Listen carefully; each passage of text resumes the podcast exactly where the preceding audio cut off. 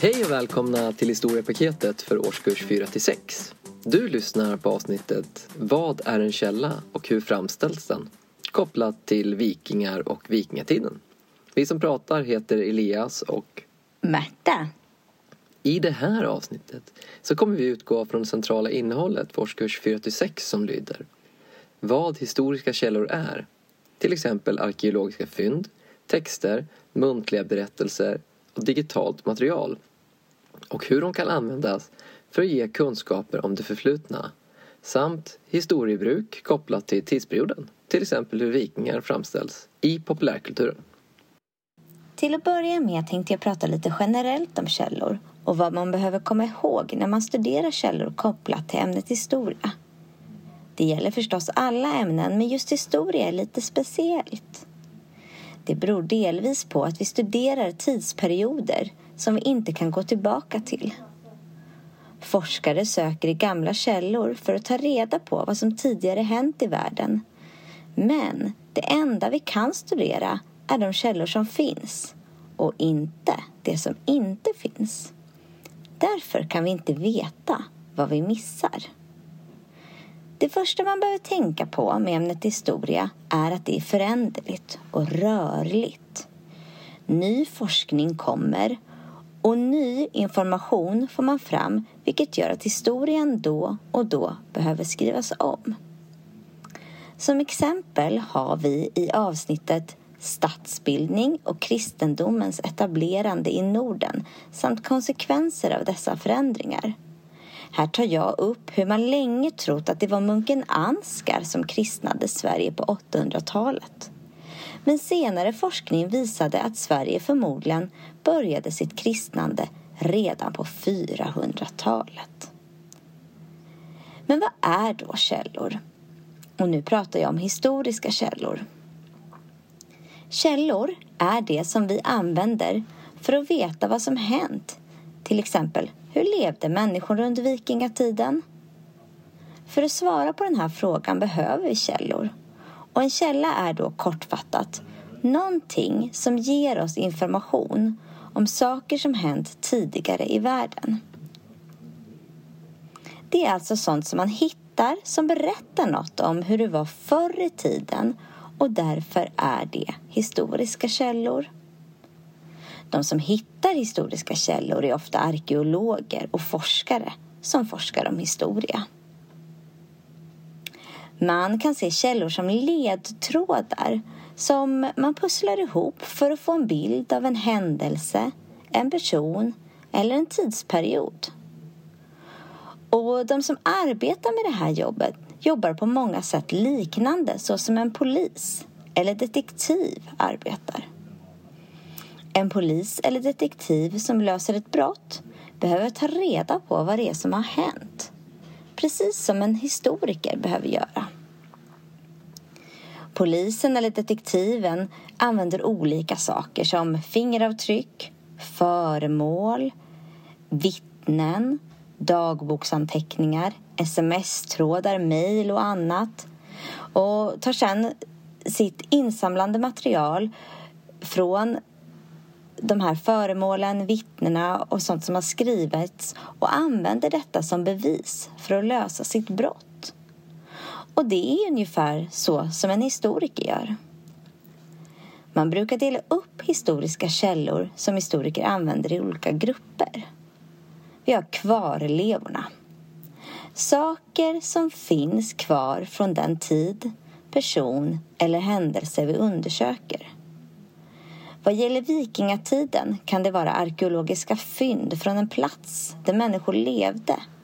Som till exempel mynt, krukor, smycken. Så har vi berättande källor. Och det är något från den tiden vi undersöker som kan berätta något för oss. Till exempel dagboksanteckningar, brev, tidningar och runor. Det finns både skriftliga och muntliga berättande källor. De skriftliga är exempelvis brev och dagböcker medan de muntliga kan vara intervjuer. När man studerar källor är det viktigt att alltid, alltid arbeta källkritiskt. Man behöver nämligen tillämpa källkritik.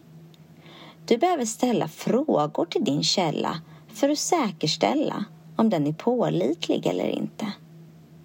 Du behöver fråga dig hur kan jag använda källan? Är källan trovärdig eller inte? Vem har skapat källan och har denna person någon vinst i att framställa händelsen, tiden eller personen på ett visst sätt? Har källan kommit till själv eller är den beroende av andra källor? Är källan relevant för det jag studerar? Och nu tänkte jag prata lite om hur vikingarna har framställts i populärkulturen. Populärkultur, det handlar om hur vi idag framställer något. Det kan vara i film, böcker, bilder, typ tavlor, spel och tv-serier.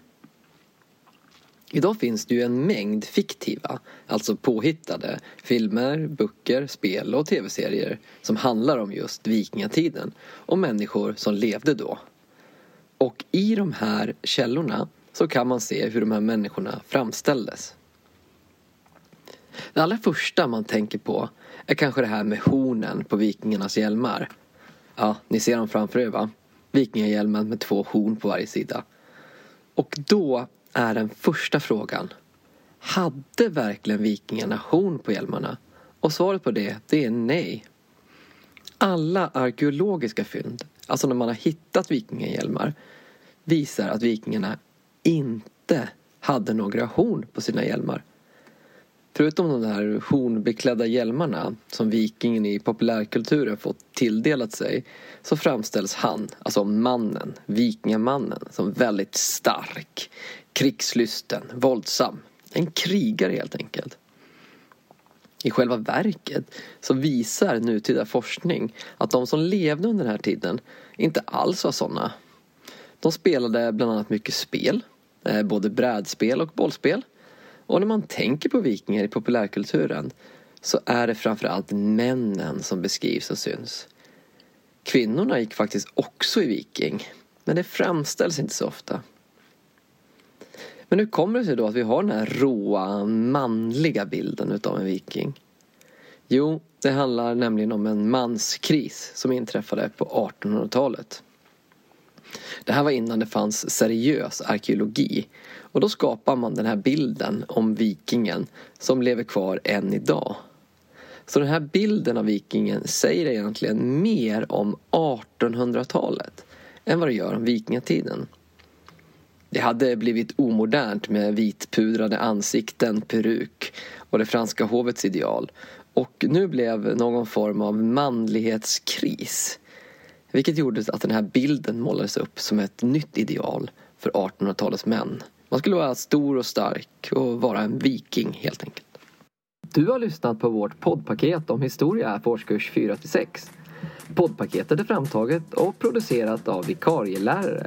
Du hittar massvis av arbetsmaterial och lärarhandledningar till alla våra poddar på vår hemsida www.vikarielärare.se Logga in med lösenordet vikarielärare med litet v. Själva podden kan du hitta på vår hemsida eller på Spotify eller i podcasterappen på din telefon. Hej då!